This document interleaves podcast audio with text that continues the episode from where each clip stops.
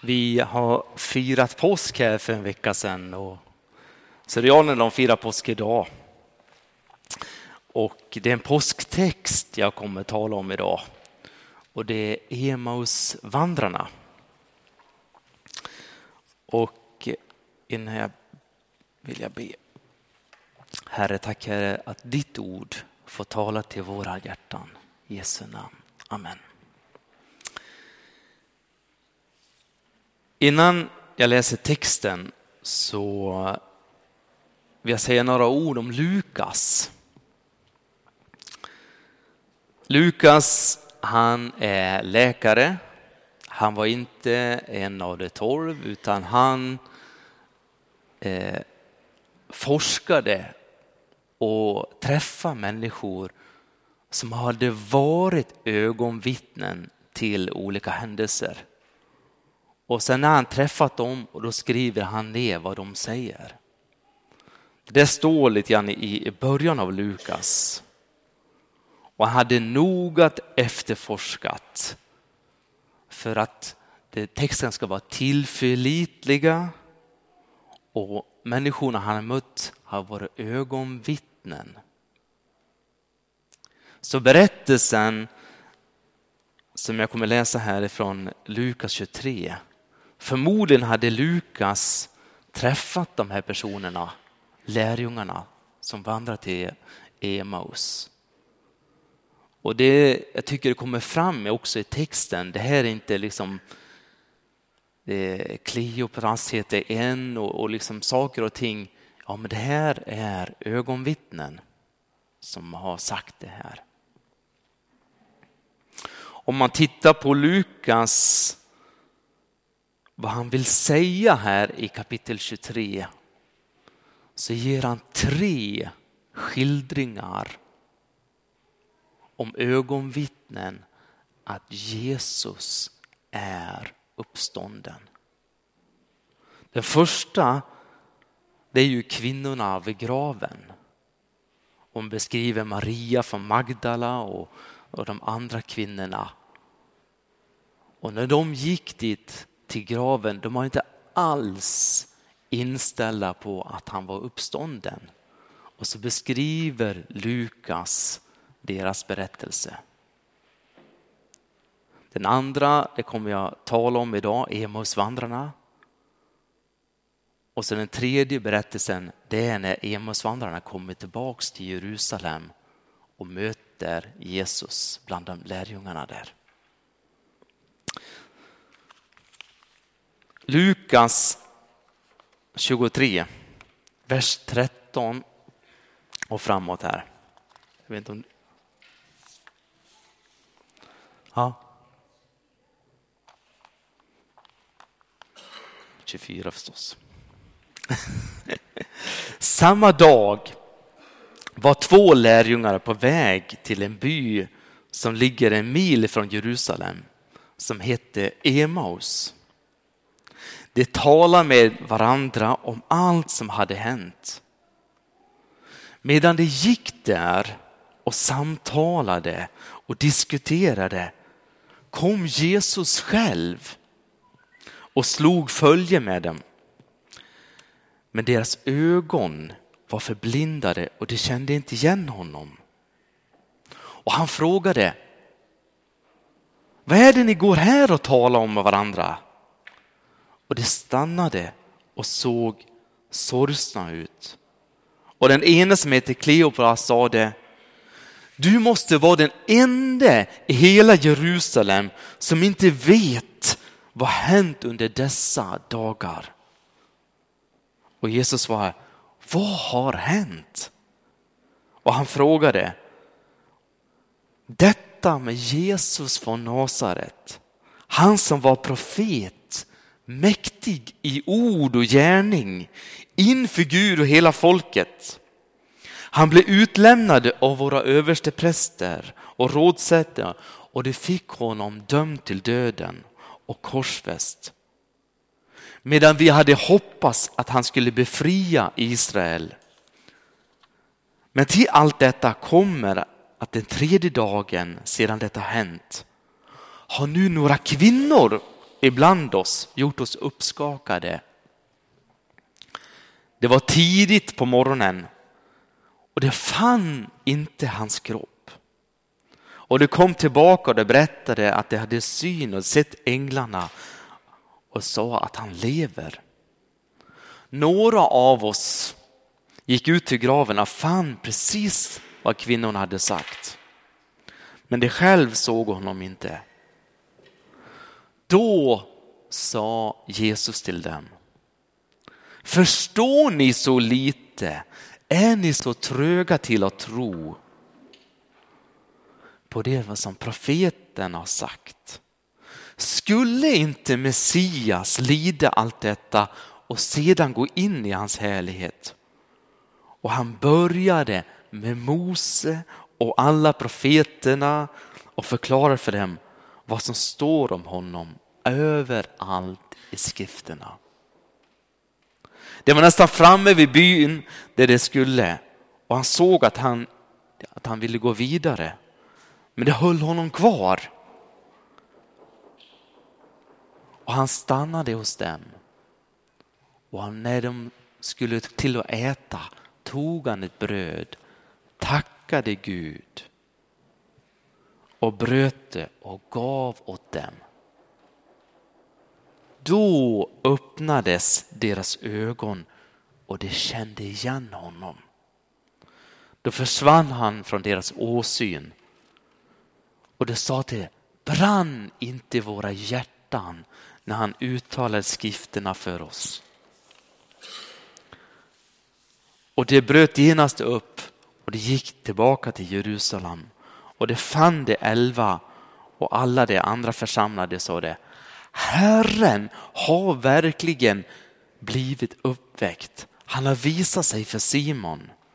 Själva berättade vad de såg och vad det hade hänt dem på vägen. Hur hade gett sig till känna för dem genom att bryta brödet.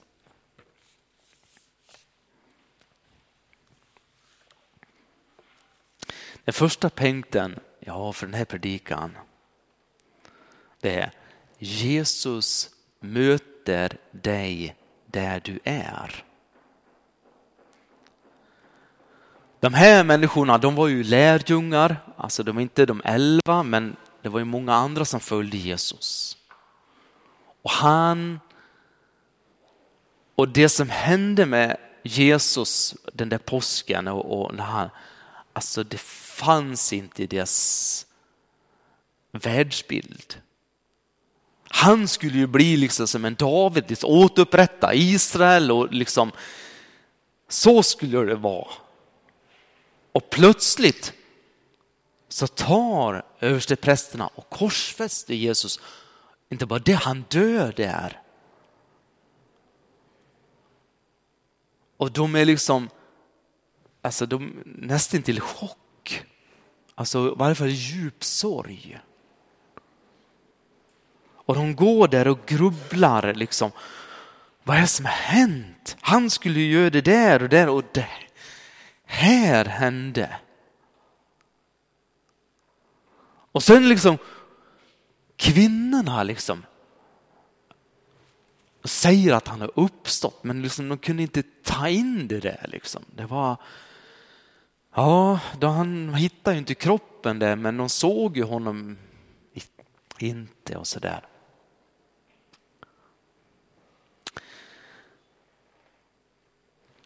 Jag tror Jesus han vet hur det är att vara människa. Det står på andra ställen, han var prövad i allt. Och att leva som människa är mycket glatt och fint men också mycket sorg och svårigheter. Och speciellt tror jag när man går genomgå sorg eller svårigheter kan det vara liksom, man ser inte klart. Man går nästan in som ett tunnelseende, liksom man, man kan knappt sköta sig själv, eller på säga. Man, liksom man stänger ut i världen. Och jag tror lite grann de här lärjungarna var var inne i en sån nästan tunnelseende. De såg inte Jesus. Men de lyssnade till honom. Och när de gick den här, om det var en dryg mil eller något sånt där, fick, talade Jesus utifrån skriften. De kunde säkert de här texterna. Men det är liksom, de har inte förstått djupet av dem. Alltså jag skulle själv tänka att vara med där. Tänk att höra Jesus lägga ut gamla testamentet. Ja, det, det skulle vara fantastiskt. Men de fick höra Jesus där. Och när han skulle gå vidare och sa nej, du får inte gå vidare, du måste stanna kvar. Som ni vet i Mellanöstern, solen går ner där vid sex. Kanske var klockan fem på eftermiddagen. Klockan sex, då är det verkligen kolsvart.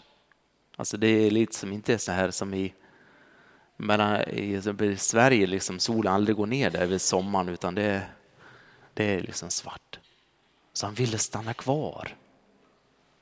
Och så händer någonting där de sitter vid matbordet. Då tar Jesus, som de har sett honom gjort många, många gånger, tar ett bröd, tackar Gud och bryter det.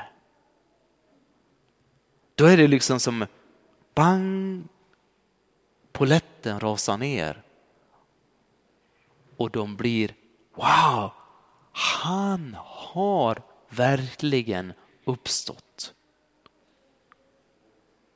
Och de ger sig iväg till Jerusalem. Och jag menar, Jesus älskar varenda människa. Han älskar er som är här, men han älskar dem utanför. Och han vill så gärna uppenbara sig för dig och möta dig där du är. Många tänker, ja men, eller man kan tänka sig, ja men jag måste bli lite bättre. Anstränga mig lite mer, annars kan jag inte möta Jesus. Så var det inte för de här lärjungarna. Jesus mötte dem precis där de var. Och han möter dig precis där du är. I den situation du är i, om du har sorg eller frågor eller brottas med olika saker så vill Jesus komma och möta dig precis där du är.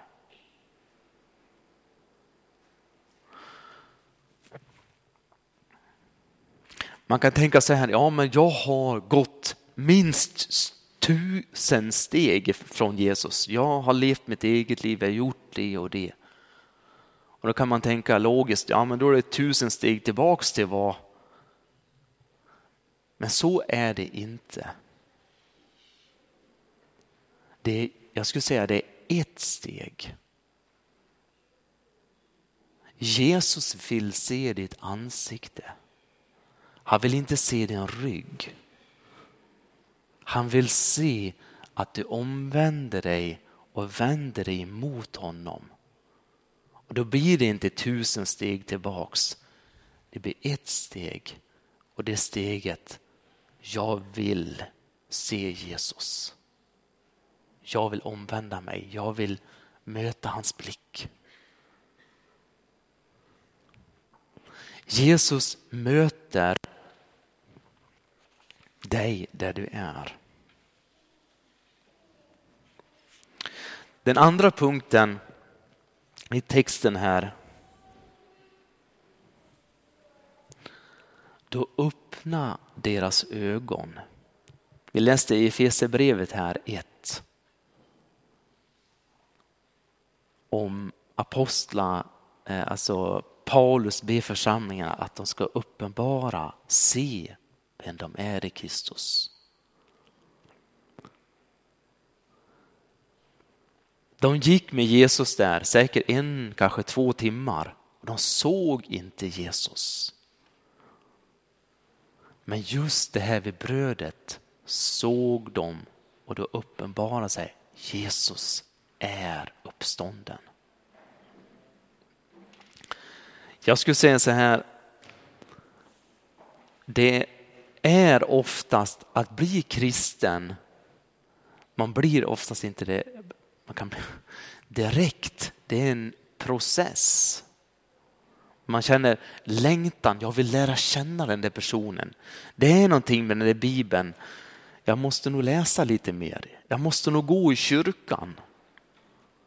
Många gånger är det liksom en liten process och så plötsligt, ja men det är ju sant det som står i bibeln. Jag vill bli frälst. Ett vittnesbörd jag tänkte på det är Bo Gerds. Han levde för, men kanske död, jag vet inte om han, han var ateist och levde upp i Uppsala och han sa jag ska göra slut på de där fablerna om Jesus och jag ska bevisa att det här inte är sant. Den utgångspunkten hade han. Men han visste också om jag ska bevisa någonting att den här bibeln inte är sann, då måste jag ju läsa lite grann från den här texten. Och när han vände sig om och började läsa, då hände någonting. Precis som Emus vandra, han såg Kristus. Så han vart inte en så här fullblodig ateist, utan han vart en biskop. Han översätter hela nya testamentet, det heter Bo Järns översättning. Och han har betytt väldigt mycket för kristen tro. Bo Gerds han omvände sig, fick se Jesus uppenbara sig för honom. Och jag tror Gud verkligen vill uppenbara mer och mer vem han är för oss var och en.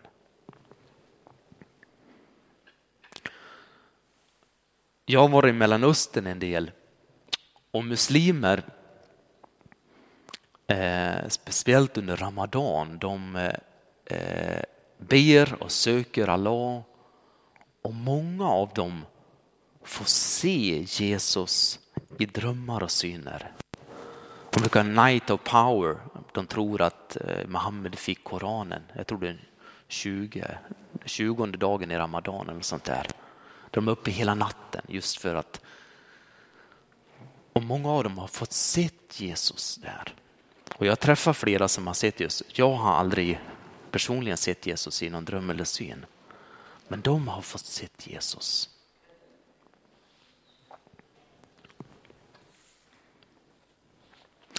De här lärjungarna,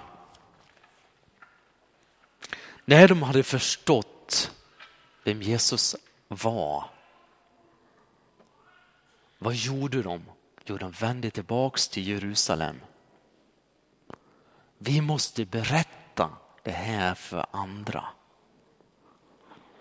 Så även fast det var sent på kvällen, kanske leta rätt på någon lampa eller lykta eller någonting och sen, eh, jag tror de inte gick, jag tror de sprang till Jerusalem. Vi måste berätta, vi, han har uppstått. Och de har också fått ett vittnesbörd genom Simon. Simon Petrus har sett Jesus som uppstånden.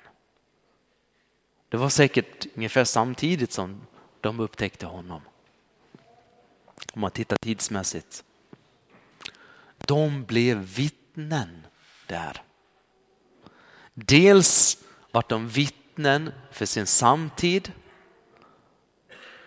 till de som eh, eh, lärjungarna där och senare i kyrkan vart de vittnen.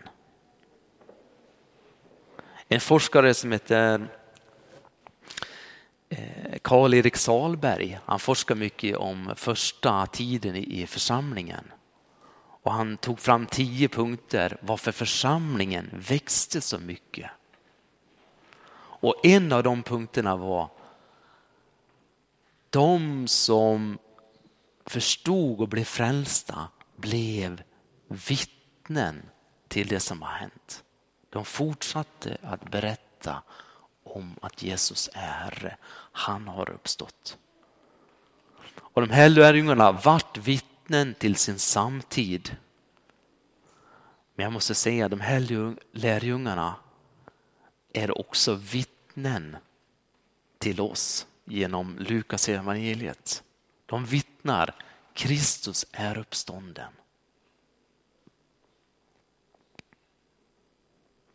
Jag skulle vilja uppmuntra dig om du har upplevt Jesus Kristus som Herre.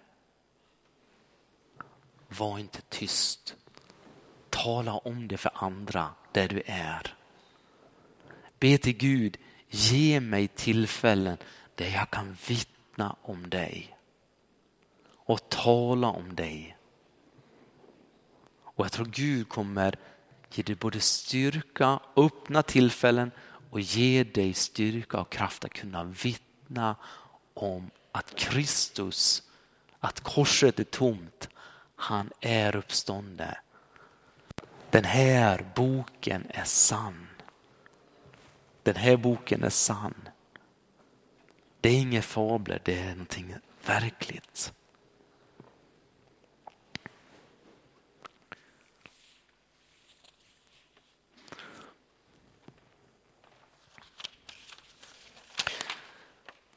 Texterna i den här talar just Jesus är uppstånden.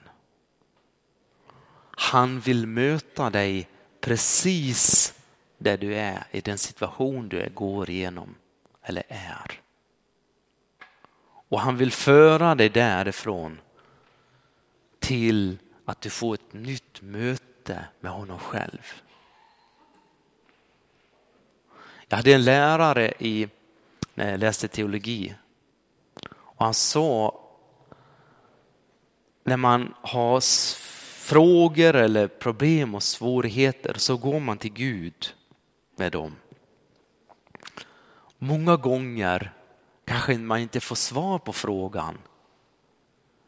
Men den helige ande visar Kristus i den situationen och man får möta honom. Och jag tror Gud vill möta dig där du är med dina svårigheter, kanske sorg och du får möta Kristus och lära känna honom ännu mer. Texten också utmanar oss att kunna vara vittnen för honom. Om vi som kyrka är tyst om det här, vem i världen talar om detta då? Vem talar om detta? I det offentliga rummet i Sverige, jag tycker det är snålblåsten blåser ganska ordentligt där. Jag vill uppmuntra, var frimodig, tala om det här. Vi har världens bästa budskap till människor. Gud vill möta varje människa och han ska upple, eh, få tag i Kristus, bli frälst och få ett nytt liv.